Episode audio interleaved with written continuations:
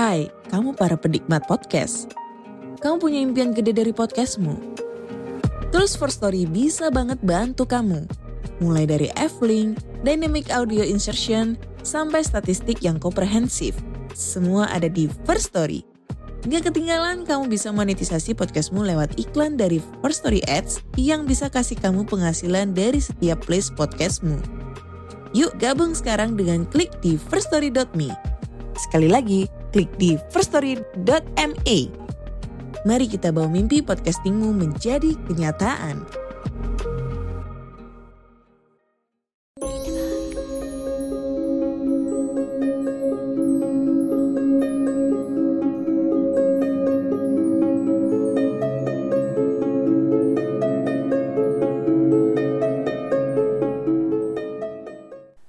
Halo Sobat RHI, ketemu lagi dengan Denny, narator RHI, Rumah Horor Indonesia.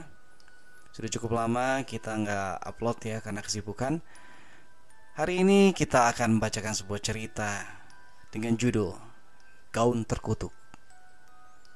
Selamat mendengarkan. Minggu pagi itu cerah. Langit hanya ditutupi sedikit awan Membuat cuaca pagi terasa sejuk. Um, Kayaknya enak nih kalau minum susu hangat.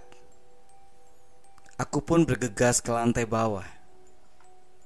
Setelah tiba di lantai bawah, aku langsung membuka kulkas dan menghangatkan susu. Lalu kubawa ke meja makan. Hmm, orang rumah pada ke mana ya? Kok sepi banget? Gumamku dalam hati. Setelah susunya habis, aku beranjak pergi ke kamar mandi untuk mandi. Setelah selesai mandi, aku pun berangkat ke rumah temanku. Saat di jalan, handphoneku berdering. Ternyata ibuku nelpon. Ya, halo mah, ada apa? Nisa, kamu di mana? Tanya ibuku di ujung telepon. Ini lagi perjalanan ke rumah Fani, jawabku. Oh, mama cuma ngasih tahu, kamu jangan lewat jalan belakang rumah Fani, kata ibuku. Memangnya kenapa mah? Tanyaku heran Tadi ada kecelakaan. Wanita ditabrak sama mobil Jawab ibuku. Oh emang sekarang mama di mana? Tanyaku Mama di rumah tante Intan. Lagi ada arisan Jawab ibuku. Oh ya udah dulu ya Maya Takut keburu siang ucapku. Iya hati-hati nak. Bungkas ibuku sambil menutup teleponnya. Sesampainya di rumah Fani Aku langsung disambut dengan hangat oleh ibunya Fani Faninya ada? Tanyaku sambil tersenyum. Oh, ini saya. Fani ada. Silakan masuk. Sebentar, ibu panggil Faninya. Jawab ibunya Fani. Setelah beberapa menit, datanglah Fani. Eh, Nis, tumben lo datang ke rumah, tanya Fani. Iya, gue mau ajak lu pergi ke mall, jawabku. Cie, mau shopping ya? Ayo, mumpung gue udah mandi, kata Fani girang. Kami pun berangkat ke mall dengan mobilku. Sampainya di mall, aku melihat-lihat baju. Ternyata ada sebuah gaun yang bagus. Gaun itu berwarna biru muda, dipadukan dengan warna putih. Pokoknya bagus banget deh. Van, gue ambil ini aja gimana? Tanya aku kepada Fanny. Wow, perfect nis. Fanny sambil mengacungkan jempol tangannya. Aku pun langsung membayarnya di kasir. Malam harinya aku memakai gaun itu ke pesta ulang tahun temanku, Sophie. Anehnya, orang-orang melihatku dengan tatapan dan senyuman yang manis. Apakah aku terlihat cantik? Karena salah tingkah, aku pun pergi ke toilet untuk bercermin. Apakah ada yang salah denganku? Ternyata nggak ada yang aneh denganku. Semuanya tampak normal-normal saja. Pesta pun berjalan dengan lancar, sampai aku lupa waktu. Saat tiba pukul satu dini hari aku pamit untuk pulang. Sambil menyanyikan lagu Tinggal Kenangan Aku mengendari mobilku.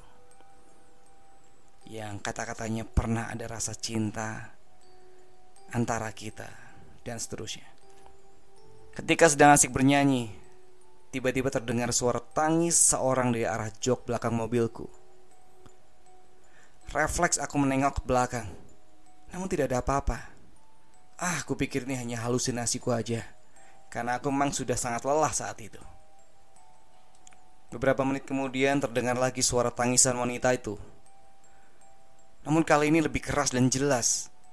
Aku langsung menoleh ke belakang dan tiba-tiba mobilku menabrak orang. Memang saat itu aku tidak memperhatikan jalan. Tanpa disadari aku telah menabrak seorang. Aku pun segera menghentikan mobilku. Walaupun takut, aku memberanikan diri keluar dari mobil untuk memastikan apa yang terjadi. Dan ternyata yang kutabrak itu seorang wanita. Wanita itu sangat cantik, tapi terlihat pucat. Aduh, apakah dia masih hidup? Pikirku cemas. Tanpa disadari wanita itu bergerak. Aduh, syukurlah dia masih hidup, pikirku. Namun dia langsung bangkit dan menatapku tajam. Dan astaga, tiba-tiba wajah cantiknya itu berubah menjadi buruk rupa dan dipenuhi belatung. Dia semakin mendekat ke arahku dan aku mulai merasakan bau busuknya itu. Seketika ia mencekikku. Aku berteriak minta tolong. Tapi apa daya? Cengkraman tangan makhluk itu terasa sangat kuat. Aku terus berusaha untuk melepaskan diri. Namun tenagaku tak cukup untuk melawannya. Aku pun pasrah dan berdoa memohon perlindungan kepada Tuhan. Saat tubuhku lemas dan kehabisan nafas, tiba-tiba dari kejauhan sayup terdengar suara azan subuh. Perlahan cengkraman tangan makhluk itu pun mulai melemah. Dan akhirnya sosok itu pun hilang. Syukurlah batinku. Dengan sisa-sisa tenaga yang kumiliki Aku langsung masuk ke mobilku dan segera pergi dari tempat itu. Malam pun datang. Tak terasa Seperti baru tadi aku merasakan kalau aku ada di pesta Sofi Dan di perjalanan diganggu makhluk halus Jam dinding di kamarku menunjukkan pukul 23.00. Aku pun memutuskan untuk tidur. Dalam tidurku, aku memimpikan wanita yang kutabrak di jalan dari pagi. Dia sedang menangis sambil mengenakan gaun yang kupakai untuk pesta Sofi tadi. Dia terlihat cantik, namun air matanya sedikit menutupi kecantikannya itu. Dia berkata kepadaku, kalau aku harus membakar gaun itu, karena di gaun itu terdapat kenangan dia dengan pacarnya. Keesokan harinya aku pun mencari informasi tentang gaun itu. Setelah aku cari tahu, aku mendapat kabar dari kakaknya wanita tersebut. Adiknya itu bernama Tarisha. Ia meninggal tertabrak mobil pada saat hendak berkencan dengan pacarnya yang bernama Arya. Ia meninggal saat memakai gaun tersebut. Karena penjelasan tersebut, aku pun memenuhi permintaannya dengan membakar gaun terkutuk itu. Akhirnya Tarisha datang lagi ke dalam mimpiku. Kali ini dia tersenyum dan mengucapkan terima kasih padaku. Oke sobat-sobat RAI, gitu dulu ya cerita untuk malam hari ini. Semoga kalian terhibur.